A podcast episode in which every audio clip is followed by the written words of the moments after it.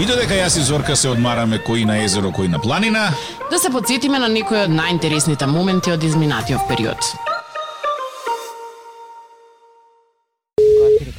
Ало? Ало, добро утро! Како си? Добро, добро утро. Све под контрола денеска? Супер. Одлично, така треба да биде ваков убав сончев ден, па уште и 20 мај. Ау, Да. што да ти кажам. Па и мене роден ден. Па и среќен роден ден! Па и, па и вакво и годишнина. Ау, Од две во едно. На три во едно. Кој е третото, кажи ми сега, ме, ме, ме, ми ја по, пробуди љубопитноста. Е, па три во едно има турска. Тогаш на 20 мај матура ми беше. И знаеш кој баксус е, имаш три во едно, а не можеш да славиш две од три. Тоа третото некако и ќе да го протуркаш. Чекај сега, Така, не така, сватив така. роден ден, а, годишнина од матура и Годишнина од Годишнина од брак. свадба. Од свадба. Од брак. Да. Вау. Значи тебе 20 мај буквално ти го одбележал животот со најбавите работи. Што би рекле Да, да. порталите, вакво нешто се случува само еднаш во годината. Даже во 100 години. Не можам да си поверувам. да. Е, Ќе остане желбата и надежта дека следната година убаво, како што треба, ќе си прославиш се. Денес Така, се така. надевам дека си обкружена со позитивни луѓе, а тие позитивни луѓе мислат на тебе и Се решија викаат мама, Тоци, Лиле и Розе. Да решија да ти го честитаат е, родинденот преку радио. Да. Е, Мама, Тоци, Лиле и Розе. Фала и многу, фала ви. Е, фала ти тебе. Се надевам ваква позитивна енергија ќе те држи во текот на целиот ден, па се слушаме до година.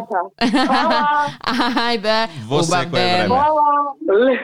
Се Е, израдува. баш ми е драго вака како ќе израдуваме некој, барем од сабалечки денот им го направиш, а нели како велат по утрото денот се познава. Колега, што ми спримеш за мојот роден ден? Ништо. Во, А, не така. во врска со паркинзите, имам голема дилема зошто граѓаните, е, иако еден супермаркет им направи огромен бесплатен паркинг од 2 часа, злоупотребуваат паркинзи од зграда, вклучително и улицата. Ова важи и за доставувачите на роба, имаат посебна рампа за влез, но нив им е подобро да возат преку паркингот на зградите, понекогаш предизвикувајќи штети. Зошто да не е според прописи и за општо добро? Затоа маркетот големиот кај тебе у комши. Да не го кажувам сега по, по име. Има Што има огромен... И, Е, тој во подрум или тој, со тој паркингот? другиот со паркинг голем. А, па тоа тука во овие населби, да не речам цел Карпоше, функционира на тој принцип.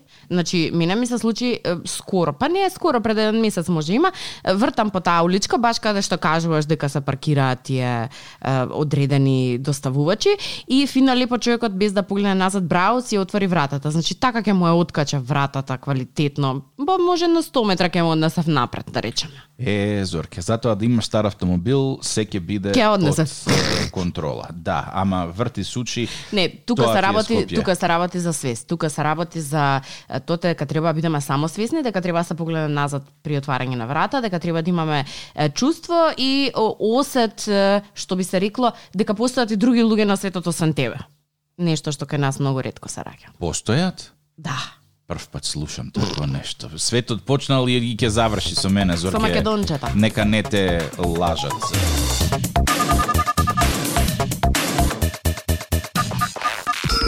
Просечен, како и секој, ајде, македонски е, граѓанин, човекот си чувал дома некоја одредена сума кеш и е, госпожава си се удомакинила најверојатно и после некое време цап си ја зела торбата со пари, му оставила љубовно писменце. А, му оставила Јас- писменце? Да, јас заминувам и не се враќам. Човеков сконтал дека му ги зела парите и сега е заглавен во легално правниот лавиринт. Излезе, според истражувањето на Сител, дека во 2014 година истава женска личност добила кривична пријава за измама, наводно од својата војна украла 84.000 денари. А, значи, приказната се продолжува. Од љубени, од сакани личности зема пари. Да, од тие што се нај, Јас и ти најранливи. сме безбедни.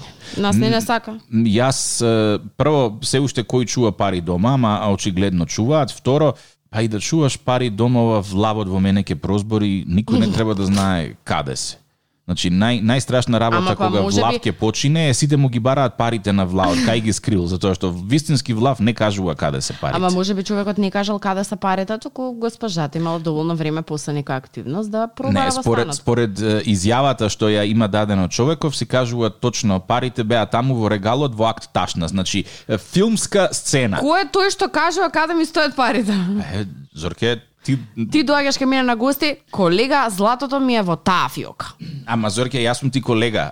Ова гледај го од перспектива на потенцијален иден животен сопатник во случај да си сингл или да си вдовица или вдовец, не знам што значи човеков на колку 57 години си бара животна сопатничка, наоѓа и оп, му ги лапка парите, страшна работа. Да беше тоа толку едноставно поврзувањето преку социјални мрежи, сите ќе најдевме партнер преку социјална мрежа. Веру, верувај ми, 90% од ново започнатите врски се е, зачнати или на Твитер, или на Фейсбук, или на Тиндер за оние малку понапредните.